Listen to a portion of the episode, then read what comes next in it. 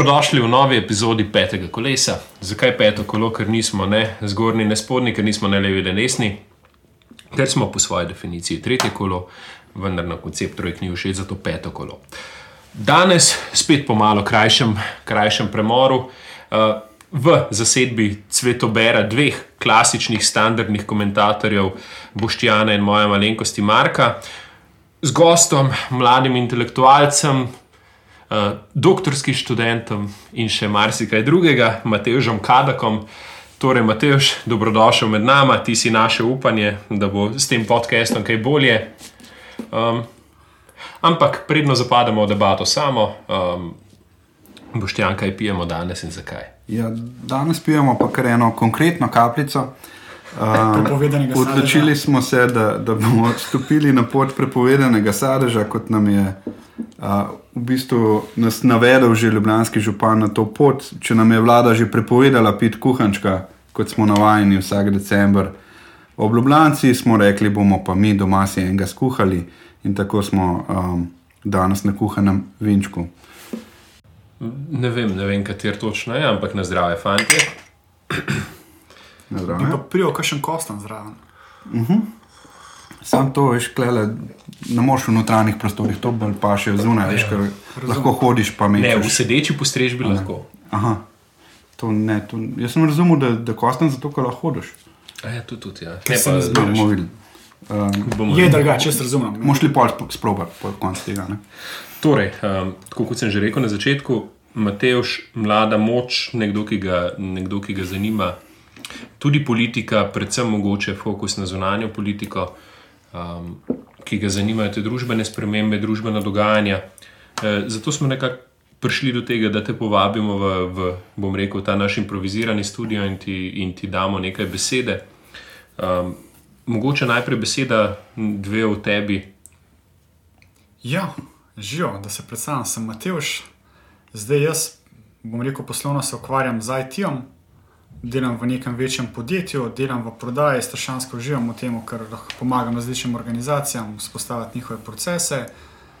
Sem doktorski študent uh, information managementa, tako da je pravzaprav to zelo povezan. Prej sem bil pa na fakulteti za družbene vede in od, v bistvu takrat od faksa naprej traja to moje zanimanje za zunanjo politiko, bi rekel. Ne. Pa mogoče, če se lahko prvoščam, kar za začetek prvo tega, Ja, kar mi seveda. Jaz bi rekel, da na področju zunanje politike, kar je za mene zanimivo, pa mogoče bi znal biti za slovence poslušalce to zanimivo, no? a, je dogajanje v Bosni, natančneje v Republiki Srpski, pa dogajanje v Donetsku, Luhansku, v Ukrajini. Mogoče gremo lahko kasneje tudi na Angelo Merkel, ampak če mogoče štartamo za začetek v Bosni in Hercegovini, če se strinjate. No, vidiš, to nam je všeč. Mlada moč pride, definira temo in skočimo v temo. Torej. In kot se sporobi, vsak konflikt začnemo v Bosni in Hercegovini. Recimo. Uh, no, pa dajmo kajšno reči o, o Bosni in Hercegovini in Dodiki. Kaj konkretno pa je težava um, pri, pri um, gospodu Dodiku, ki v bistvu vodi Republiko Srpsko že, zdaj že kar vrsto let. To je Pa v bistvu je, je nekako ohranja tudi status quo uh, znotraj Bosanske federacije, sicer stalno izraža svoje nezadovoljstvo, ki je praviloma povezano s kakšnimi volitvami, a ne zato, da on ostane na oblasti. Uh, ampak kaj re, hudo resnega se pa do zdaj ni zgodilo, da bi ponovno prišlo do prilivanja krvi ali kaj takega. Sprav, zakaj misliš, da, da zdaj pa je um, to resen problem na enkrat ratu? Je predvsem zato, ker je on rekel, da bi se na nek način, no, da bi se Republika Srpska umaknila iz Daytonskega sporazuma, da bi postali pač čisto svoja država. Uh, to je huda kršitev uh, sporazuma. Uh, predvsem je problematično to, da bi on ustanovil svojo vojsko, ne, to je pa najslabša stvar, ki jo lahko narediš. ne. Tako da te zadeve, njegove izjave so pravzaprav tako daleč prišle, da je ta mednarodni odposlanec uh, do neko poročilo vam pa rekel, da to slabo pa že 20 let ni bilo v Bosni in Hercegovini. Meni se je zdelo to kar konkretno, mislim, konkretno poročilo. ne. Uh, kar se mi zdelo pa še zanimivo, je pa ta, zdaj sem pa pozabil, neka evropska poslanka je rekla, da je Evropska unija pripravljena v 48 uh, urah poslati 6200 vojakov v Bosno in Hercegovino. Ne. Pa zdaj tako, ne, glede na to, da so takrat rabili, se pravi, 4 leta, da so prve bombe iz uh, F-16 letal preletele dol, mislim, da to zelo pa vojska ni napredovala, no, razen če mi vidim, mislite drugače. No, predvsem so te F-16 m, niso bile um, evropske enote.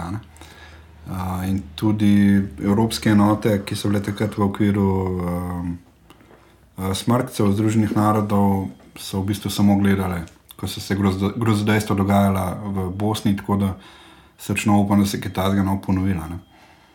Um, bi pa jaz v Senglih se malo vprašal, ne, ka, kakšna je realnost, da bo tam prišlo do spopada. Ne, ta, ta Milorad Dodik je na oblasti Republike Srpske, tako kot sem že prej rekel, že konkretno dolgo časa. Uh, in tudi nekako, um, če pogledamo, kje bi, kje bi lahko našel kakšno oporo ne, za razbijanje Bosne, uh, pa da bi zdaj dejanski konflikt delal. Uh, Srbija v bistvu v zadnjih letih, kar jo vodi tudi precej avtoritarni uh, uh, Vučić, uh, ne kaže lih kakšnega hudega interesa po tem, da bi kakšne uh, težke konflikte sprožal. a ne. Uh, um, in ne vem, nek- nekako ne vidim, kje, kje bi se oborožil, kaj bi bil sploh razlog, da bi, da bi sprožil kakšen resen konflikt. Meni to bolj deluje kot neko res ponovno izseljevanje tipičnega izseljevalca, ki pač uh, v vsakem trenutku pos, poskuša uh, um, pridobiti neke dodatne uh, koristi zase. a ne. No, čeprav na Balkanu se ta izsiljevanja, roko na srce, nikoli niso končala, končala v redu, ampak je zmeri nekdo nasrkal. Ne. Vse tukaj imaš, jaz bi tudi rekel, če gledamo širše, prej si omenil Ukrajino. Ne. Tukaj imamo interese nekaterih tudi vele sil, ki lahko nenadoma uskočijo v, v naslednji sekundi in pač ne veš, kaj se ti bo zgodilo. Uh, jaz bi mogoče ta vsa, vse te zadeve, pa ne bom rekel, da se izvršuje non-paper, ki ga nikoli niso našli ne, in, in so ga vsi poznali, ampak bi, bi vsa ta dogajanja dal v nek širši kontekst mogoče tega, kar se dogaja v Nemčiji, oziroma kar se je dogodilo v Nemčiji, in to je sicer odhod Angele Merkel, ki je bila, bom rekel, zelo močna figura in je zelo močno diktirala neko politiko in držala tudi nekatere, bom rekel, ne, nekatere apetite po Evropi v dokaj daleč stran. Konkretno tukaj mislim na Rusijo in na kogarkoli drugega. Ne. Jaz tukaj mislim, zelo zanimivo se zgodi. Veš, tista Belorusija, Poljska sovpada nekako s, z odhodom Merklove. Kopičenje sil na, na ukrajinski meji sovpada, sovpada s tem. Potem se zgodi, oziroma zbudi še nek dodik ravno v tem času. Ne. Vse lahko karikiramo, verjetno je krivo slovensko predsedovanje, kot bi mogoče predvsem rekli en, en del političnega spektra pri nas. Ampak jaz bi to vse povezal s tem. Ne. Vsi nekako testirajo, kakšen bo zdaj ta odziv Nemčije, kakšen bo odziv novega nemškega kanclerja in pa seveda, kaj bo naredila tukaj Francija. Ne? Eh, Še nek nezanemarljiv dogodek je, ki se je dogodil vmes, eh, ko si prej ravno omenil ameriška vojaška letala. Eh, Američani so zabremzali prodajo F-16 eh, Hrvatom, čeprav so prej dokaj dobro sodelovali in so uskočili francozi, ki so jim prodali tistih 8 rafalov. ne.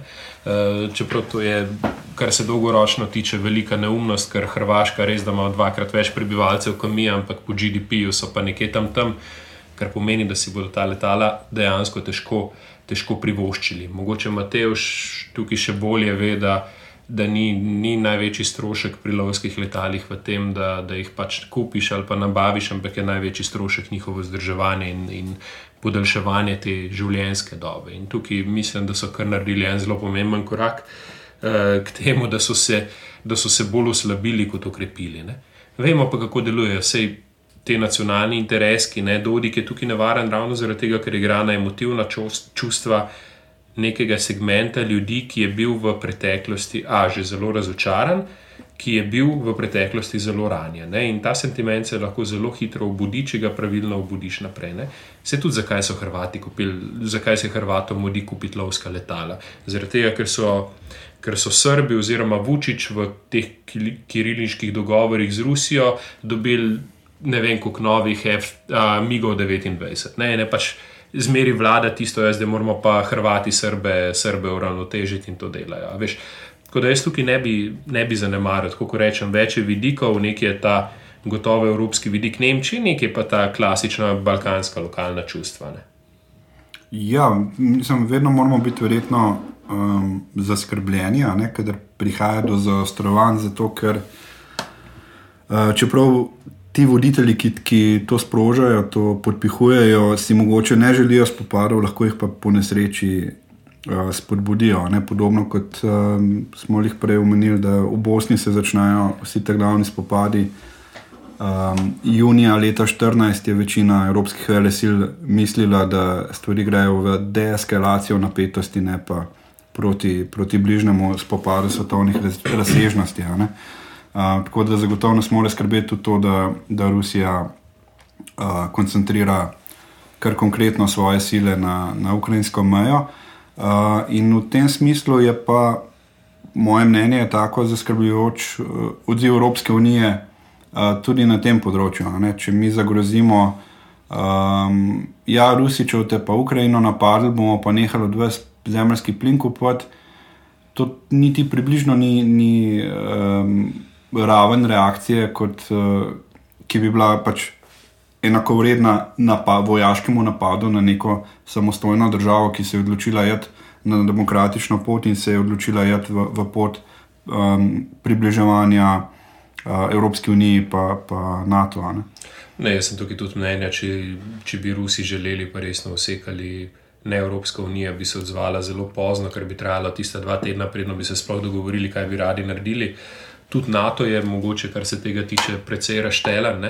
Če gledaš tiste udarne tankovske enote, če pogledamo čisto geografsko, ne, med, med ukrajinsko mejo in slovensko mejo je, je tistih 500 km ravnine. Ne. Zdaj si predstavljamo, kaj se to zgodi v, v dveh, treh dneh, ne, če, če nimaš ti pametnih stvari z predstavljanjem temu. Veš, lahko hitro pride nekdo v mehak popek Evrope. Dobro, to je konkretno znanstvena fantastika, da bodo zdaj ponovno ruski tanki prišli v Slovenijo. To je konkretno znanstvena fantastika, ampak glej, lahko se pa tudi zgodi v najslabšem možnem razvoju dogodkov, nikoli ne veš. Ne? Ampak se strinjam s tabo, da ti da ti v bistvu uravnotežiš te zadeve in igraš popolno vlogo nekega brezobega tigra, je pa verjetno dokaj brezvezane. Najbolj žalosti ta klasičen odziv Evropske unije, odziv, ki ga ni, ne? Ker je spet mogla skočiti Amerika. Ko so enkrat, kar so naredile evropske države, so uspele preko veševanja služb sešteti tisto številko vojakov, pa tankov, pa so prišli do 120 tisoč in ko so gotovili, da pa teh tankov mečkam preveč v okolici Ukrajine uh, so stisnili rep na noge in pa so pač, ne vem, so z američani skomunicirali, da je Joe Biden poklical Putina, ne, da ne se neha zafrkavati. Ne. In to je to, Evropska unija pa spet ni naredila nič. Čeprav je tudi zanimivo, res ne. Poljaki so se v zadnjem času tudi vojaško, tudi uh, geostrateško kar precej okrepili. Ne. In v bistvu so tisti, ki držijo nek limes na vzhodu Evrope, uh, zelo močno. Tudi, tudi sodelovanje z američani, no vse zadnje, ne, se je fokus se je preselil iz Nemčije na Polsko. Ne. In tudi vsa ta dogajanja, vse te provokacije, uh, jaz tudi te provokacije, ki so se dogajale na polsko-beloruski meji z imigranti, ne, razumem kot del nekega širšega konteksta, ravno spet nagajanje Rusije. Ne. Tam, kar se je dogajalo, je, da so letala iz Teherana in Istanbula uh, letela do, do Minska. In potem je, so, so beloruske oblasti te boge reveže, eh, migrante, v bistvu poslale na mejo, bog ve s kakimi obljubami in jih tam pač probale spraviti čez mejo in s tem na nek način destabilizirati eno izmed članic Evropske unije, oziroma moč, močno članico Evropske unije, Poljsko. In, ampak mene noben ne bo prepričal, da je to delo Lukašenko sam na svojo pest, ampak je bil to. Del nekega višjega, višjega plana, da se pritisne na večjih krajih in, in preizkuša, vedno znova preizkuša to, kako močna je Evropa, dokaj bo šla Evropa, predvsem pa kako bo reagirala Nemčija. In, in moram reči, da novi kancler, mi vsaj, ko sem, ko sem že pred časom gledal njegove načrte, kaj so njegove načrti za evropsko politiko. Moram reči, da me je kar malce zaskrbelo, ne? ker je bila večina, večina njegovih ukrepov, s katerimi so se takrat pogajali, postavljena na čelo tega, da, da bodo gradili močnejšo socialno unijo, kar pomeni, da se bodo ukvarjali z evropsko minimalno plačo kar mogoče funkcionira ali pa ne funkcionira, nihče se ne bo pa v bistvu ukvarjal z geostrateško vlogo Evrope. Ne. Tako in v bistvu takšna politika, ki je fokusirana na v bistvu preseganje, preseganje um, različnosti znotraj Evropske unije, zelo verjetno, ali pa se mi zdi, da je, da je kar konkretno nevarno, da, da lahko pripelje do do razdora znotraj Evropske unije. Ne? Čim začneš uh, uravnilovko usiljevati na, na vse strani in to pri tako uh, raz, uh, raznoliki zgodbi, kot je ena Evropska unija, uh, se mi zdi, da to ni dobra pobotnica. Ne? Ja, delim, Um, delim mnenje Na, vsega. na kar drugi sta- strani je pa tukaj to, ne, s tem, da uh, pač ta geostrateški pogled, ki se bojim, da ga po Helmutu Kolu pravzaprav noben nemški kancler, oziroma vsi, vsi trije, No, so ga imeli, ne? v resnici niso imeli. Nekdo je ne, začel če- graditi severni tok. Ne? Nekdo je, nekdo je zaštartil severni tok in nekdo je nadaljeval z njegovo gradnjo. ne. Um, Čeprav v praksi so ga gradili pa američani, ne? kar je najbolj smešno prek danskih podjetij, ampak pustimo stati. Pustimo, da je biznis je biznis, ne neki drugega so pa geostrateški premisleki, ki jih moš uh, vedno imeti v zakup, če imaš neko dolgoročno vizijo, kaj bi rad sam sabo naredil. In um, žal je tako, da, da v Evropski uniji, kljub temu, da ta obstaja že toliko desetletij, nismo zmogni, zmožni skupnega premisleka, kaj Evropska unija potrebuje, kaj je dobro za nas. Uh, na nek način jaz mislim, da, da pravzaprav nam manjka enega zunanjega sovražnika, ki bi nas vse skupaj poenotil v obrambi uh, pred, pred to nevarnostjo, ki bi jo vsi percipirali kot skupno nevarnost. Ne? Um, se mi zdi, da je bil zelo tak, uh, mogoče dober trigger.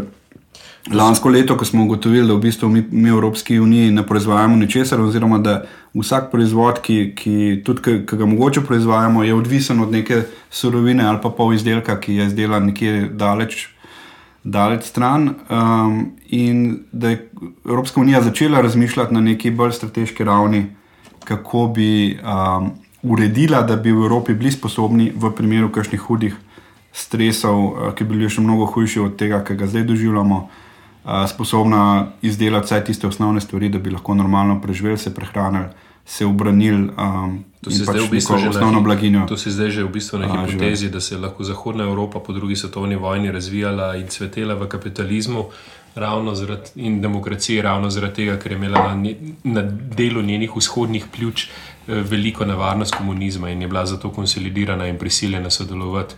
Um, dobro, če mogoče preskočim zdaj to temo, približuje se še en datum. Um, Približuje se še en datum uh, in sicer končuje se počasi slovensko predsedovanje Sveta Evropske unije.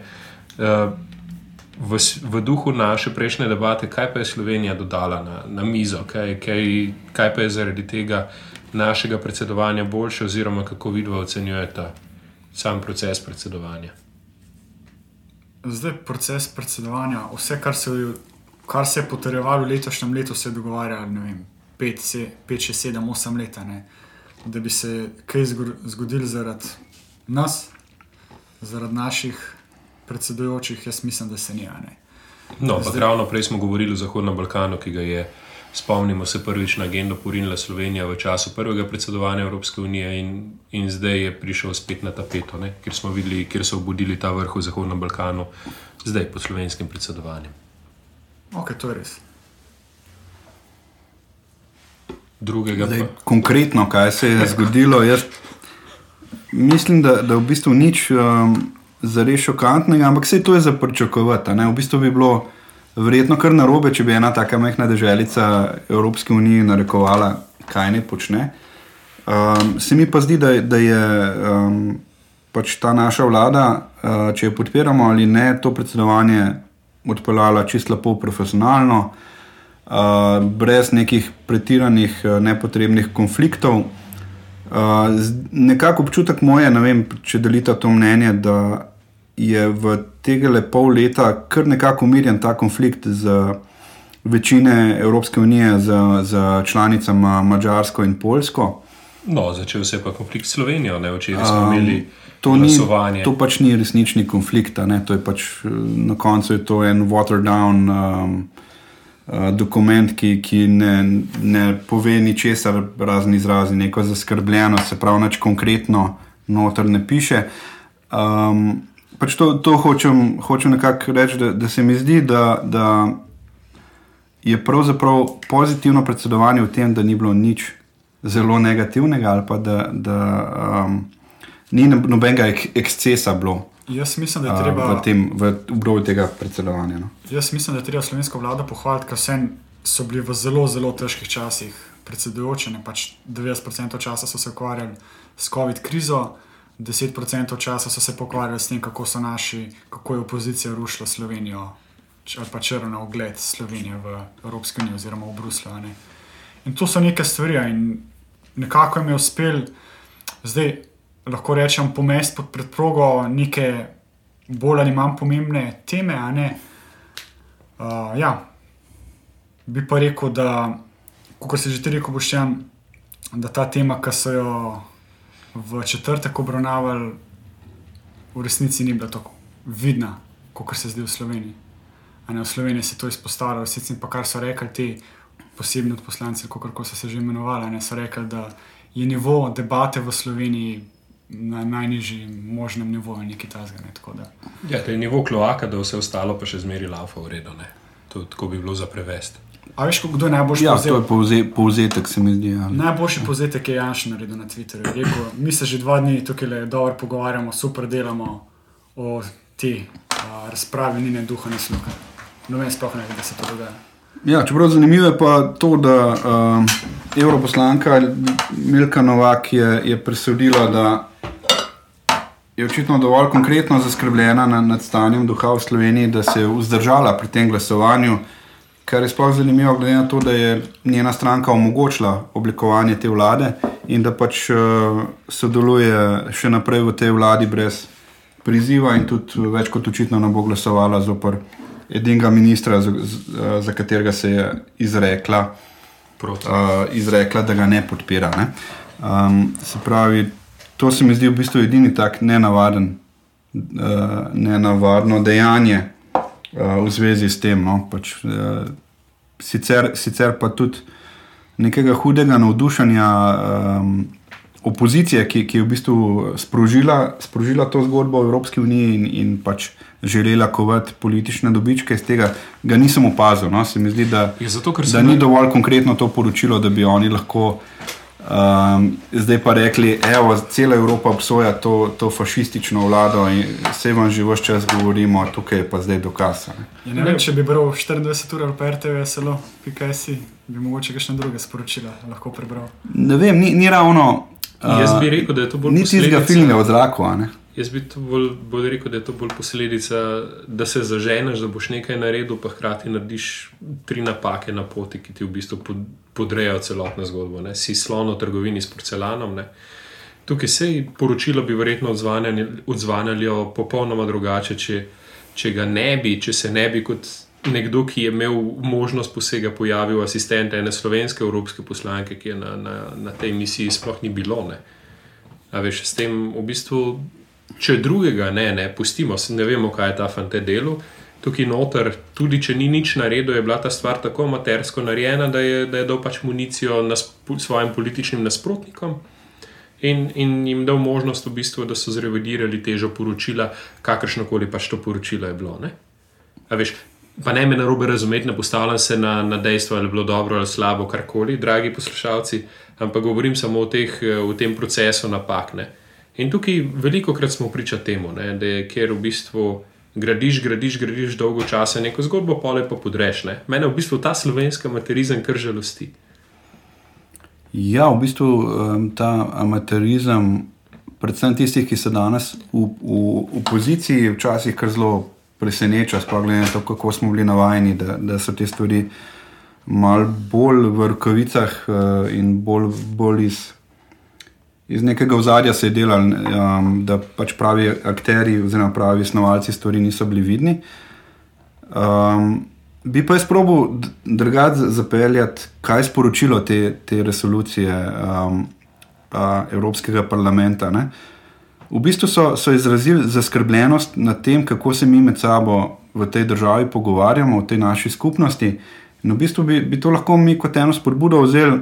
Ja, se mogoče pa res, ne? če pa še tam iz Brusla opazijo, čeprav noben našteka ne razume slovenskega jezika, opazijo, da se mi očitno malo preveč med sabo kregamo, oziroma da, da vidimo, da iščemo samo tisto, kar, v čemer smo različni, tisto, kar nas uh, daje na razen, namesto da bi iskali tudi kaj skupnega, pa delali za skupno dobro, slovensko dobro. Mogoče to fajn spodbuda, da dajmo mogoče pa začeti prešaltati to miselnost, uh, iskanje sovražnika v drugem, ampak pač dajmo iskati tisto, kar nam je skupaj. Dobro, jaz pa mogoče malo bolj negativen pogled, se strinjam s tem, da bi bilo to zelo dobro sporočilo, če bi ga ujeli, uh, če bi ga ujeli ali pa dojeli na ta način. Ampak jaz mislim, da je bil tukaj drug plan. Veš, to, ta duh, ki veje ven iz vsega tega, vse diskurs imate. Konkretno na meni je bil zagotovo drugačen, ampak mi si, lahko, mi si lahko stvari pa vendarle bolj benevolentno razložimo. Vem, vem. Ampak hotel sem povedati, da predstavljaj si, ti imaš, če imaš na eni strani to, da je, pustimo te vse. Uh, Zadeve o insinuiranju sporočila, o insinuiranju poročila, vseh zadevah, kakorkoli so potekale, ampak predstavljaj si ti hipotetično. Na eni strani imaš v bistvu sporočilo, da naše institucije delujejo dobro in da je vse ok, na drugi strani je pa sporočilo, sej, slovenci, dragi, če, sporu, če spremenite pa ta politični diskurs, bo pa ok. Ne? In v bistvu, če, če je to zapakirano v okvir, da, da imaš enega, ki generira ta politični diskurs, ki je slab, lahko to prepišeš v smislu, da ja, se spremenite tega, ki diktira ta pol, slab politični diskurs in bo v Sloveniji vse ok. Ne? A veš, to je pa sporočilo, s katerim se jaz nikakor ne morem strinjati, pa po isto vetiti. Ker jaz pa res mislim, da ni ok. Ne? Jaz res mislim, da na določeni sistemi države ne delujejo, oziroma delujejo zelo uprit uh, nekaterih, ki si prej omenil, tistih ljudi z ozadja ali kako jih je imenoval javni, kar takrat uh, trgovci z novci. Ne? In, in mislim, da je tukaj imamo mi največjo težavo, ne? da se ta sistem vedno lahko pere in imamo, imamo zmeri ta dvojna merila postavljena. Ne? Mi v bistvu pogrešamo fundamentalno to enakopravnost. Ne? In zdaj trdi, da naše institucije, ki bi mogle zagotavljati to načelo enakopravnosti, delujejo v redu. Da bo pa delujejo v redu, in da se bodo vse težave čudežno rešile, če bomo spremenili politični diskurs, Le ne bodo se, ne? institucije še zmeraj delujejo po dveh tirih. Sej se pogled, kaj se dogaja po Sloveniji zdaj. Sej smo imeli včeraj, oziroma predvčerajšnjem za poslušalce v soboto v državnem zboru, benevolenten primer tega, ne? Kako lahko, če je nekaj na dnevnem redu, nekdo samovoljno odloči, da tega ne da na glasovanje, pa moj bog, smo normalni. No, po drugi strani smo tudi uh, poslušali predsednika računskega sodišča, ki povsem uh, neobremenjeno politično komentira stvari in, in niti ne skriva svoje zelo jasne uh, politične opredelitve. Uh, še, še to sem jaz mogoče malo razmišljal, ker sem spremljal tole sprejemanje poročila Evropskega parlamenta. Uh, in to velja tudi nekako za to zgodbo z Mačarsko, za Poljsko, deloma Češko. Um, kako konkretno konzervativna je pravzaprav ta um, Evropska komisija in, in vse te evropske, um, evropske politične sile, ki, ki, ki so nekako uh, vodilne v Bruslu, pa, pa ne, to velja tudi za socialiste, za zelene, za liberalne, ne, da pravzaprav se um, te, tako da imamo temu reči, malopridne države smatra takole. Ne? Se pravi, oni so prišli v Evropsko unijo, da smo jih mi v Evropsko unijo sprejeli, pomeni, da so um, postali delujoče pravne države, kjer, kjer uh, vse osnovne svoboščine delajo, ustanove, prav, ustanove pravne države delujejo. Uh, in vsak, ki v to posega s kakršnimi koli kadrovskimi uh, spremembami, pomeni, da konkretno ruši um, te um, vrhunsko delujoče ustanove. Uh, in, in uh, udejanjene svoboščine in tako naprej. Ne? In v bistvu je, je uh, nekako, se mi zdi, napačna predpostavka iz Bruslja ta, da se v teh državah je do zdaj vse bilo lepo in prav, vse je lepo delovalo, kdorkoli pa zdaj posega na kakršen koli način, uh, je pa pravzaprav uruši s tem dobro delujoče ustanove pravne države, ruši svoboščine, uh, se pravi, uh, uh, vrača vrača stvari nazaj ven iz liberalne demokracije, tako imenovani backsliding, škoda, ki ni obija tukaj, da bi uh, še kakšno pametno razdrl v zvezi s tem ali pa citiral kakšno knjigo. Uh, in kaj se na primeru Slovenije kaže nekaj podobnega. Ne? Štarta se iz, iz osnovnega stališča, sej do zdaj je bilo vse v redu, dokler ni prišla tretja Janševa vlada in začela kar razdirati odlično delujoče ustanove pravne države. In pozamemo to, da je bil um, še ne tako dolgo nazaj za brezveze zaprt za, za nekaj mesecev um, voditelj največje opozicijske stranke, brez pravega razloga. Um, da se nam zgodi, da pač, dajmo mogoče zadnji primer. Uh, zelo konkretno lahko damo izpustitev balkanskih bojevnikov, ki več kot očitno imela še kakšno drugo konotacijo v zadnji, kot zgolj neke pravne. E, jaz bi sem tudi ne? da balkanski bojevniki so povsod po vseh balkanskih državah zaprti, na prostosti so samo v Sloveniji. Tako, ne, odlično.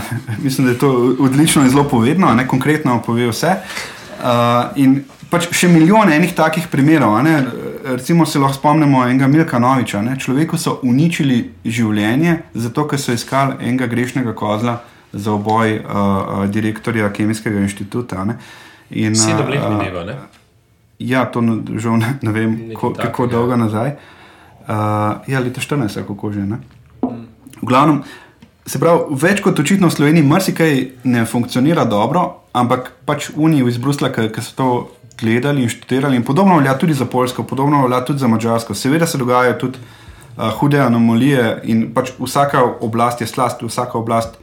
Vsak, je na oblasti, tudi greši, ne, in je prav, da se na to opozarja, ampak ta, ta štartni, o, o, osnovno razmišljanje se mi zdi, da je pa napačen strani Brusla, uh, da gle- gledamo, kot da do zdaj je bilo vse v redu, zdaj pa vsak korak spremembi pa pravzaprav rušenje uh, Ne, dobrega, dobro delujočega, konkretno dobro delujočega. Meni je tudi zanimivo to, kar si glih omenil, to demokratično drsenje oziroma democratic backsliding. Ne? Zaradi, zaradi češkega predsednika, oziroma ne predsednika, premijeja, so tudi Češko po- potiskali v ta krog. Ne? Nedolgo nazaj smo imeli tam volitve in kaj se je pri tranziciji a, v bistvu oblasti zgodilo, kaj smo lahko videli, zgodilo se ni popolnoma nič. Ne? Nobenega, nobene uzbune ni bilo, ni bilo nobene državljanske vojne, ni bilo nobenega streljanja, prehod oblasti je potekal normalno. Ne? Kar v bistvu pomeni, da, da demokracija deluje. In jaz tudi, tudi za Slovenijo ne dvomim. Ne? Imamo, aprila imamo volitve. Ne? Če pride do prehoda oblasti, sem popolnoma prepričan, da bo ta prehod oblasti potekal normalno, tudi če bo potekal v, v smeri popolnih političnih nasprotnikov ali pa celo sovražnikov tega, ki, ki vlada danes. Ne? Ampak bo ta prehod potekal normalno, ne? ker se vsi vendarle zavedamo, da je demokracija tista, ki, ki je glavno počelo, šele potem, ki je vse ostalega. Ne? Zato, ampak predno nadaljujemo z debato, mislim, da smo že več kot na polovici našega, našega pogovora uh, in mislim, da je čas za naše ne sponzorje. Torej, Boštjanik, boš ti napovedal ali jih napovem, kar jaz? Kar ti po, Kar jaz, kar jaz. vse, kar si konkretno upaš. Vse, kar si konkretno. Torej, prvi danes naš ne sponzor ni. Vabljeni na nov program grafičnega oblikovanja, Pravna fakulteta Sarajevo, DOO. Uh, drugi ne sponzor je, uh, je ni, ali kako je že to pravilno. Ja. Ne. Jankovič odpira tudi najbolj zaprte, de. Potem tretji ne sponzor, pregon ostalih medijev in vseh, ne naših, Alenka Bratušek, SP, Eh, To se nanaša za tiste, ki ne veste, na objavo na Twitterju. Pejte malo po, pogledat. Eh, Potem naslednji nesponzor so pro, neprofitni športni in politični komentarji, Tomaš Vesel, SP. Eh, Potem naslednji nesponzor, sama sabo, sam sabo najraje sodelujem, Geni Golob DOO. Seveda, ne sponzor, danes jih je malo več, dolgo časa se nismo slišali. Zahvalil bi se sam sebi, še posebno meni, Vizjak SP in pa enega prebere pa še Boštjan. Še, še zadnji, a ne poslednji. Konkretno luknjanje kondomov, SP.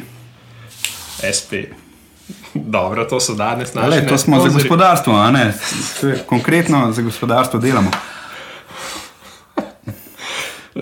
Ja, skočimo mogoče na, na, še ob nesponzorjih na naše današnje na- nagradne igre, nadaljujemo z debato. pa Tako, med dajmo še nagradnimi nagradno, igrami. na, odpiramo nagradno, božično nagradno igro, kaj ne? Celo dve imamo. Prvo je vprašanje, koliko krat je danes, oziroma koliko krat bo danes Boštjan uporabil besedo konkretno. To je to. Druga, bistveno bolj pomembna, ki prinaša tudi denarne nagrade, ki jih bo zagotovil Ožbej, eh, je pa Božič, kam gre Jani. Torej, Kam gre Jani?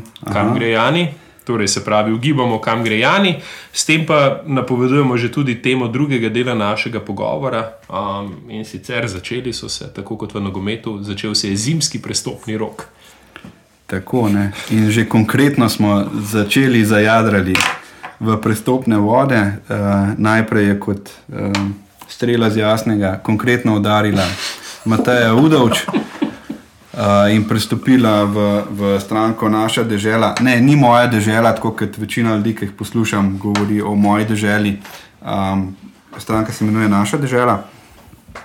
Uh, in um, potem nas je pa še, dosegla še novica, tudi enega, enega bivšega poslanca uh, SMC Branislava Rajča in, in predsednika, kako že nacionalnega srpskega sveta v Sloveniji ali nekaj takega. Uh, uh, je pristopil uh, prak stranke SAP, torej, um, kar konkretno se nam dogaja.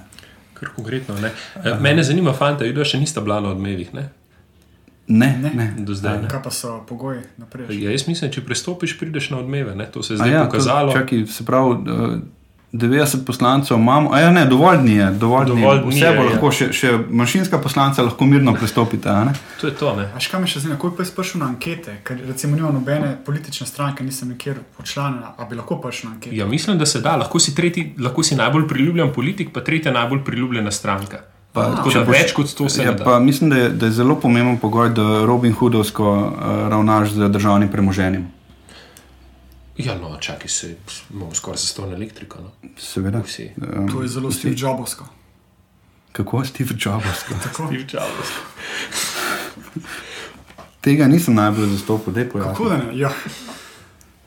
Se pravi, še nekdani predsednik uprave enega, enega izmed večjih slovenskih podjetij, ki pač žal mogel zapustiti svoj položaj, ker se mu je iztekel mandat, če smo zelo konkretni. Kon, konkretno, konkretno povedano, tretji mandat smo zaključili, če prav vemo. Tako. In je izjavil, da tako kot Steve Jobs, da, oziroma izjavil, da je on slovenski Steve Jobs in da ga bodo tako kot, Steve, kot so Steve Jobsa vabili nazaj v službo, ker brez njega to podjetje ne more obstati, stati in obstati.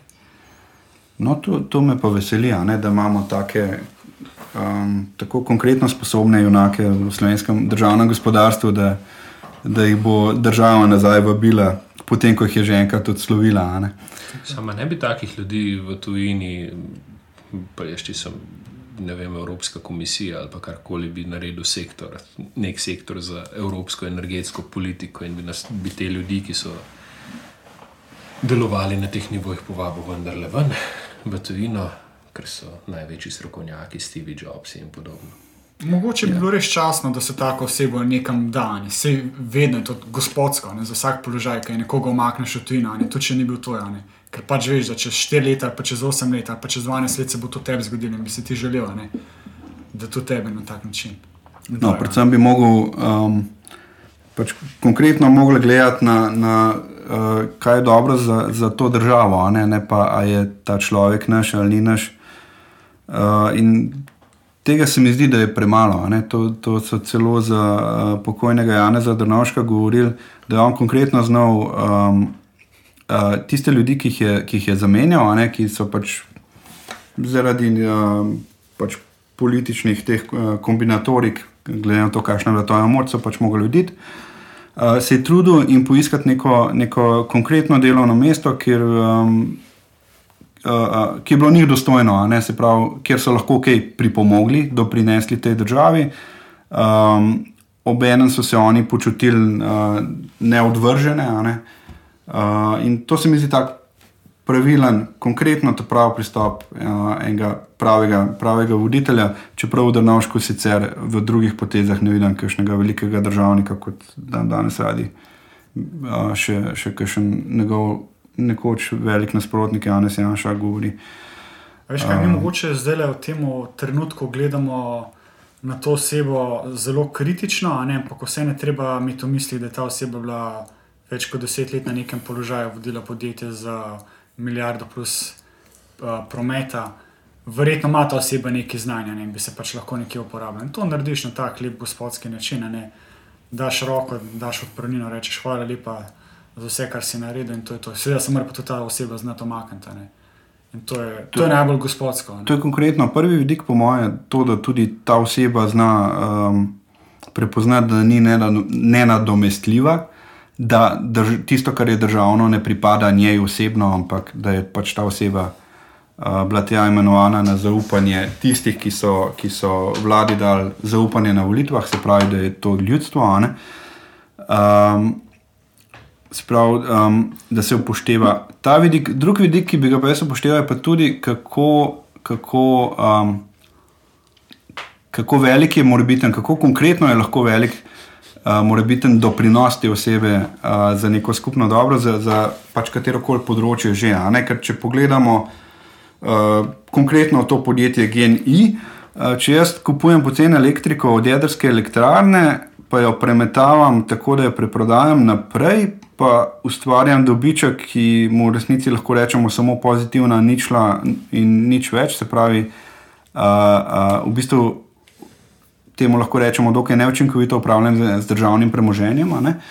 Čeprav tukaj um, lahko takoj a, a je lahko taka oseba konkretno primerna za, za, za eno res uh, bistveno, konkretno pomembno um, delovno mesto, kjer, kjer se pač obračajo lahko veliki denari, kjer, kjer uh, je zelo pomembno za slovensko državo. ne. Um, se pa strinjam, prav je, prav je pa, da, da se človeku ponudi neko, da se ga ne zavrže kot smet, ampak da se z njim ravna dostojno. ne. To je zelo kompleksno področje, no, pa se mogoče nam šli preveč v globino. Ampak recimo, kaj ta oseba rekla na tarči, je rekla, da genij je nastal s tem namenom, da bo najcenejšo elektriko dal državljanom. ne. In če imaš ti najcenejšo elektriko, težko delaš najvišji profit. ne. In to je, priznam, dober argument bil. ne. Ampak tukaj je toliko nekih ostalih problemov. No, ne, jaz, jaz, jaz pač, ker, ker očitno naši uh, novinari ne znajo razmišljati ali pa ne smejo. Uh, lahko jaz konkretno pač dam odgovor na to. Če, če si ti tukaj zato, da boš uh, konkretno nizko ceno elektrike ponujal slovensk, uh, dal slovenskim državljanom, dobro, jaz recimo doma dejansko imam uh, uh, uh, pri geniju, um, dobivam elektriko in recimo, da je meni s tem dal cenejši in to, kar konkretno cenejši elektriko, kot on pravi. ki Um, seveda ni najcenejša v Sloveniji. je, je, je na drugi strani uh, to ponudnik z približno četrtinskim ali koliko, uh, Tretjinski.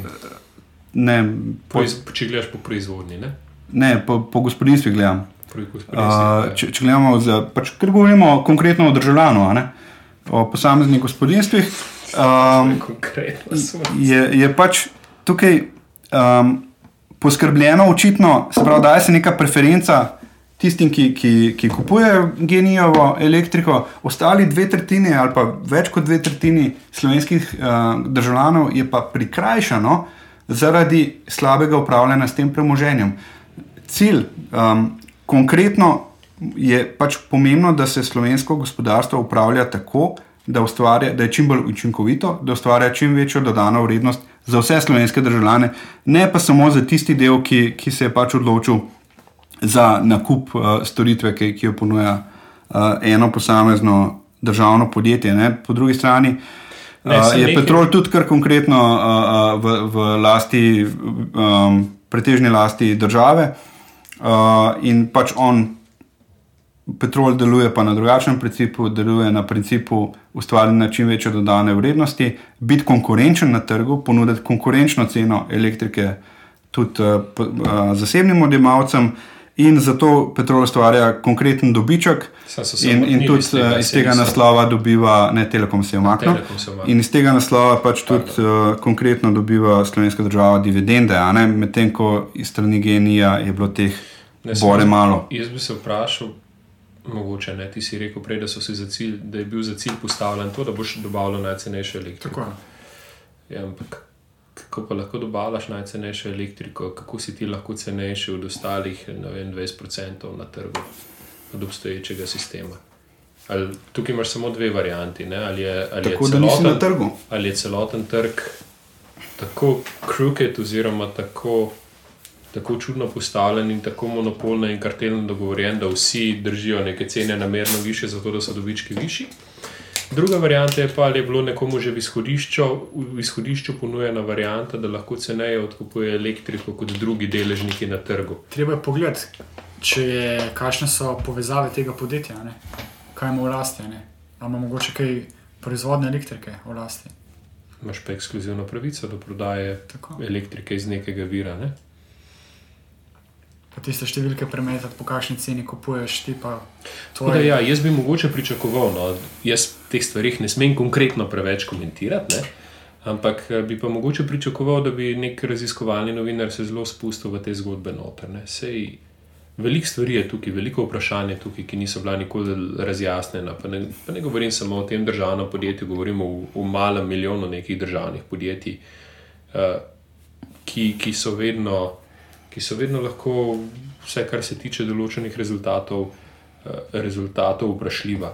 Jaz sem nikoli pozabil tistega, ne, pa, pa sem se spomnil, mogoče zdaj ob tej debati, sem se spomnil enega drugega velikanskega državnega podjetja, ki je zdaj že v privatni lasti. Ampak spomnite se primera Gorenja. Ne. Gorenje je imelo tudi enormen promet, pa je imelo v najboljših časih, se mi zdi, 6 milijonov evrov dobička, nekaj takega, ampak uprava je vedno imenovala enega, enega in istega človeka na čelo tega podjetja, zato ker je bila bolj važna kontinuiteta kot, uh, kot nek dobiček oziroma neko ustvarjanje, ustvarjanje boljših, boljših rezultatov poslovanja. Ne. Ja, In, a veš, in to ti v bistvu veliko pove o tem, ne, kako nekdo dojema podjetje, ali ga dojemaš kot svojega, ali ga dojemaš kot neko obče dobro. Ne. A veš, jaz mislim, da nam tukaj, vsaj pri tej kulturi korporativnega upravljanja, manjka ravno to zavedanje. Ne. A veš, če bi, če bi vsa ta podjetja bila upravljana vrhunsko in imela visoke donose, bi to posledično pomenilo, da ima od tega več vsak državljan. Bi to pomenilo, da ta podjetja plačajo več davkov, kar pomeni, da bi bila mogoče kakšna storitev države cenejša zaradi tega, kar nam izdajo vsak, račun, vsak mesec račun na podlagi vseh eh, davk, davkov, ki nam jih pobere od plače, ne? in, in dohodnine enkrat na leto, in tako dalje. ne. A Veš, nam to zavedanje manjka. ne. Ali, ja, državna podjetja so državna podjetja, dobro upravljena morajo biti zato, ker je potencijalno imajo multiplikativne učinke na gospodarstvo, ravno zaradi tega, ker lahko, če so dobro upravljani, ljudje bolje živijo in imajo ljudje več od tega. Ne? Ne obratno, privat sektor je tukaj popolnoma drug. Ne? In dokler ne bomo mi tega zavedanja spravili v, v upravljanje, v kulturo našega korporativnega upravljanja, ne bomo daleč prišli. Ja, veš, da je pa nekdo direktor samo zato, da je direktor, ker je bolj važna kontinuiteta kot vse ostalo, eh, pa da si te ljudje postle, postiljajo z najboljšimi pogoji zase in za ozek krok ljudi okrog sebe, za vse ostalo jih pa boli, ne vem kaj vse skupaj, gledaj, pustimo statno. To, to je zelo kompleksno vprašanje, ker težava je recimo v tem, če pogledamo samo primer Gorenja. Ne. Pa novega lastnika Hajsensa. Gorenje je imel v času, ko se ga je prodajalo, imel 12 tisoč plus zaposlenih, zdaj ima, mislim, da celo več kot pol manj. ne. In zdaj predstavljaj si ti, če hočeš delati, voditi učinkovito podjetje, po vsej verjetnosti bi mogel hitro odpustiti kar nekaj ljudi. Ne. In zdaj, če pogledaš, Kitajci so to naredili sicer postopoma, kjer Slovenc bi si upal 6000 ljudi odpustiti, Š kaj je to za neko občino velenje, oziroma za vse tiste občine tam, vse te ljudi prezaposlite. Ne. Recimo, mi trije smo mladi, mi službo dobimo ne jutri, danes jo dobimo, ne, če hočemo. Ne. Zdaj pa neki ljudje, ki 20 let plus delajo tam za tekoče Zase govor. Sam, ne, sama se res, čak sorja, se morajo državna podjetja res uh, obnašati kot podaljšek uh, nekega sistema socialne države, kamon. In to ljudi v bistvu tiščati na minimalnih plačah, To- zato da lahko skozi spraviš uh, No, saj, to, to neučinkovito, to je- neučinkovito upravljeno podjetje. Glej, Bom tako, tako stavkov. podjetje rajš pošli v propad, pa bom zdaj zelo grobo rekel. Tako podjetje rajš pošli v propad, znižaj davke, posebej za tisto regijo, da je finančne spodbude za, za start-upe z visoko dodano vrednostjo, pa bodo imeli ljudje čez pet let mnogo več od tega. Se to je ta. To je zmeri ta debata, okrog kjer se vračamo, okrog primera Estonije, pa, pa njihovega dohitevanja Slovenije, oziroma prehitevanja Slovenije, kar se tiče kazalcev po GDP-ju. Oni so takrat naredili eh, to terapijo šoka v gospodarstvu, kar pomeni, da so zelo globoko zarezali z določenimi sistemi. Ne. In to je pomenilo, da so deset let dobesedno stopicali na mesto ali pa bili na slabšem. Ampak potem, ko je pa stvar zalaufala na pravih temeljih, pa, pa daje enormne, enormne benefite. Ne. A veš, enako je tukaj z državnimi podjetji. Lahko. Jaz se popolnoma strinjam z vami. Je pa težava, da te ljudje se, kršni se tudi po 2, 3, 4 leta ne bi prezaposlili. Ne? In to imaš kar nekaj ljudi na sociali. a Ne? In zdaj ti kot politik pač se ne boš prvošil tega, ne? da imaš ne vem, 6000 manj voljivcev. a ne. Pač moramo biti čist realni tukaj. Ne? Se pa strinjam z vami, da dolgoročna strategija bi mogla biti ja, uh, počasen umik države iz gospodarstva. a ne. Torej, Pač dobro, to, to težko konkretno empirično dokažem, vendar če bi se država umaknila iz teh uh, gospodarskih mastodontov pravočasno in poiskala močne strateške partnerje, uh, se o tem sploh ne bi rabo preveč pogovarjati, ker bi imel v roku nekaj let. Um, Bistveno močnejše firme, bistveno, bistveno više plače tam, kaj zaposlenih, in uh, tudi več zaposlenih bi, bi imel na dolgi rok, ker bi, ker bi pač um, z močnimi strateškimi partnerji iz tujine, ki bi prinesli kapital in ki bi prinesli predvsem učinkovito upravljanje. Tisti ljudje, ki, ki pač ustvarjajo dodano vrednost, bi tudi temu ustrezno uh, plačani. In to je vsa umetnost, ki jo v Sloveniji ne razumemo. V Sloveniji pač lepo, uh, konkretno lepo zvenijo besede enega Roberta Goloba, ki, ki trdi, da je namen državne podjetje, državnega podjetja uh, ne, ne, ne učinkovito upravljati, ampak ponujati poceni elektriko državljanom, se pravi biti socialni servis, za kar pa v resnici je v neki, uh, neki normalno tržno, tržno uh, naravnani državi, kjer je pač dopuščena svobodna uh, gospodarska pobuda, uh, pristojna da, samo država, ki pomaga ljudem takrat, kadar res rabijo pomoč, da se postavijo na svoje noge, ne pa da jih subvencionira kar tako v tri dni. Uh, in s tem v bistvu konkretno izgublja um, svoje lastna sredstva za, za uh, uh, področja, ki ne prinašajo dodane vrednosti, pa bi jih lahko vložila v, v kakšne bolj konkretno močne projekte, ki bi ustvarjali dodano vrednost, in na drugi strani ljudje v bistvu s tem uh, navaja k nedelu, navaja k neproduktivnosti in s tem v bistvu tudi njim uničuje, uh, uh, uničuje v bistvu. Uh, ali pa jih, jih spodbuja k temu, da si ne poiščejo svojega dela, da si ne uredijo svojega življenja, uh, ne razvijajo svojega potenciala, svojih talentov, uh, konkretno do konca. Jaz sem, mogoče da gremo malo bolj globino te tematike. Jaz sem v sredo rekel sodelavcu, ko so se pogovarjali na temo volitev, ne ko oni rekel, kako boš pa volil, se so si brezvezni. Ne. Pa sem rekel, jaz bom volil tistega, mislim, če bojo znižali dohodnino, bom volil tistega, ki se je boril za to. Ne. Dohodnine ne bo znižali, kaj je to? Predstavlja se glasovanje. Ne? No, to je pač klasično, uh, to, je, to je v bistvu tisto, kar sem prej govoril, uh, da bi bilo najbolj konkretno sporočilo Evropskega parlamenta uh, in njegove zaskrbljenosti nad, nad diskurzom v Sloveniji. ne. Nagajamo en drugemu. Kaj je na oblasti bil Marjan Šarec, je, je SDS rušila vse, kar je predlagal, pa tudi če bi um, to pomenilo, da, da um, bi rešili Bambija. ne.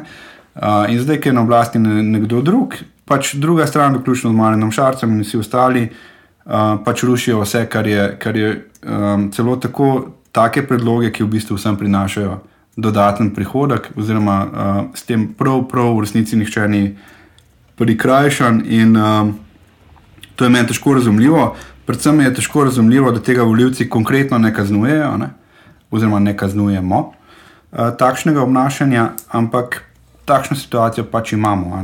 In zato uh, uh, je, je pač jaz to poročilo Evropskega parlamenta razumem kot poziv, pač nehajte se tako obnašati, da rušite v bistvu. Um, s tem, ko rušite drug drugega, rušite v bistvu sami sebe uh, in, in pač poiščite drugačno pot. Grem jaz nazaj na plače, pa na zelo. se je ljudmi zdržali. Mogoče, mogoče ni bilo nobenega drugega razloga. Grem nazaj na plače, pa na tako zelo liberalno tematiko. Ne. Zdaj, kako bi jaz ljudem predstavil, zakaj je to dobro? a Ne? A zaupate slovenskim politikom, a zaupate stolu? Ne vem, tem stolom, ne vem, če mu zaupam. No, če, večina ljudi bi rekla, da ne zaupa slovenskim politikom. No, če bi imeli možnost, da bi slovenskim politikom dali manj denarja za upravljanje, kaj bi se odločili?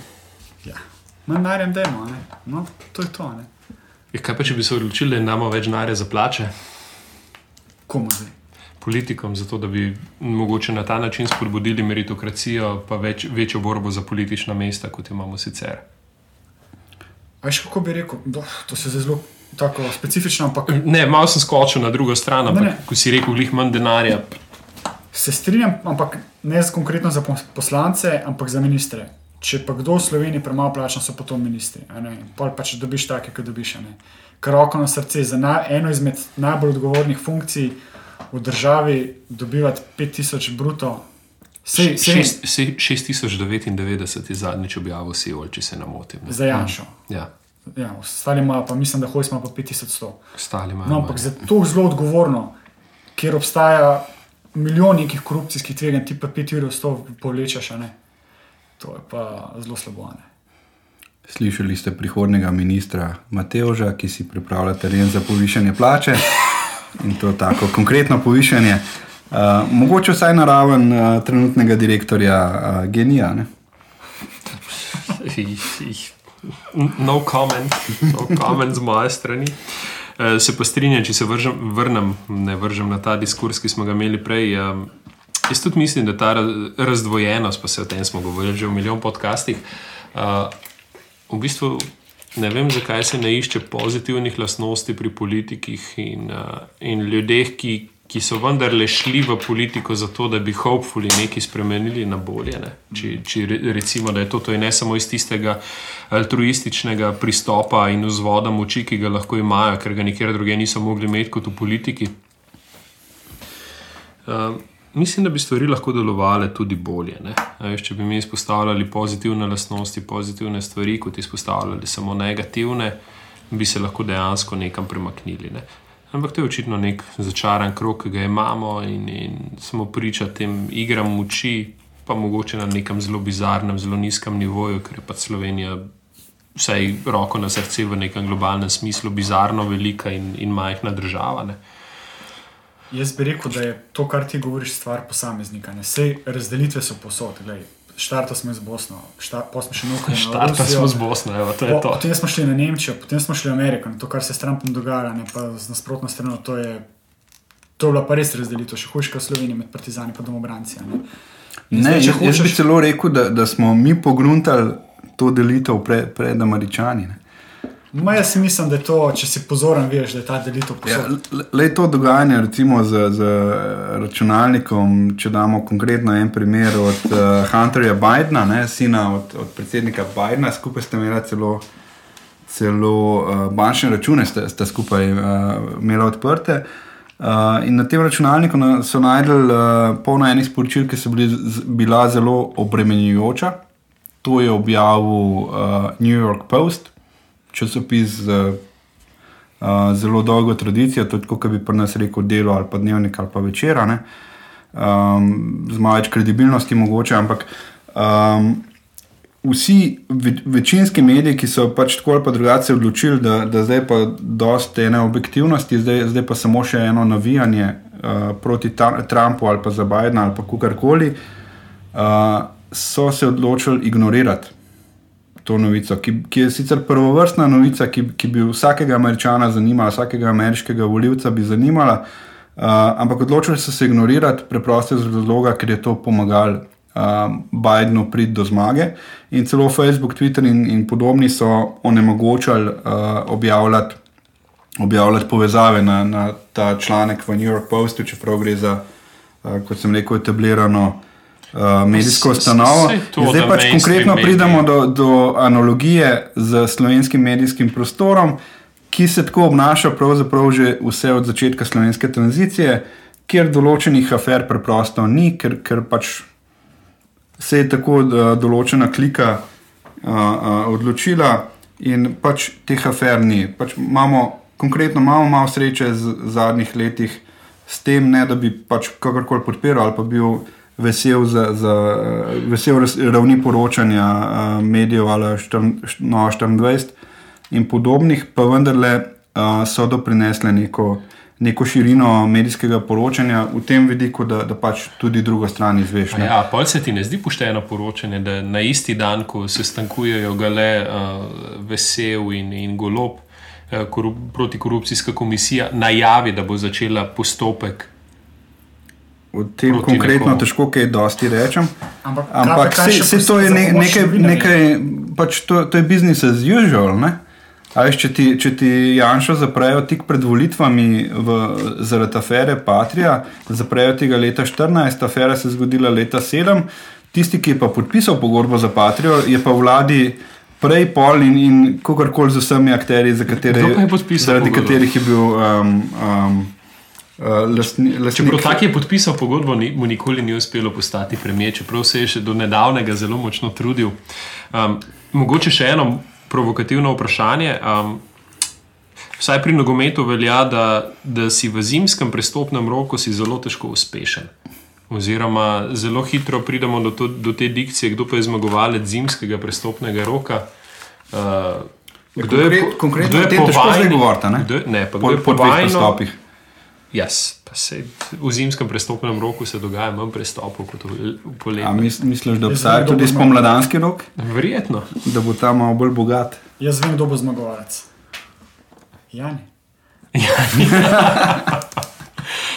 To me je spomnilo na našo današnjo nagradno igro, torej Ožbe zagotovi bogato finančno nagrado.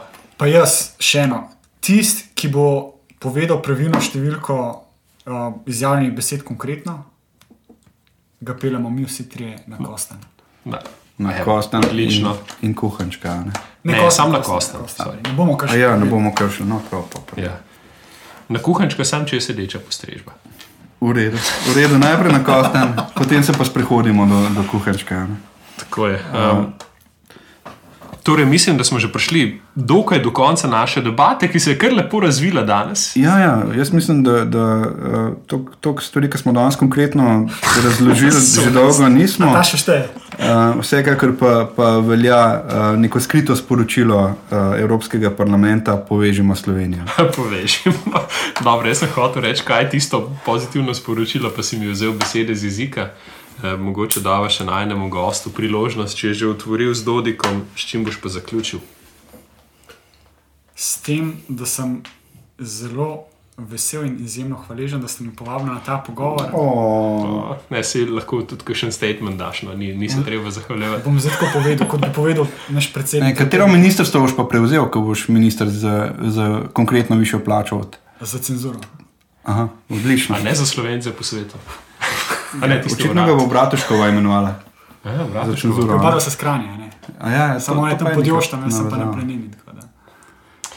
No, to je v redu. Na tej, na tej misli, draga Lenka Bratušek in novih ministerskih kandidatov, zaključujemo naš današnji pogovor. Se slišimo v kratkem in vesele praznike. Vesel Božič. Lep pozdrav, dio.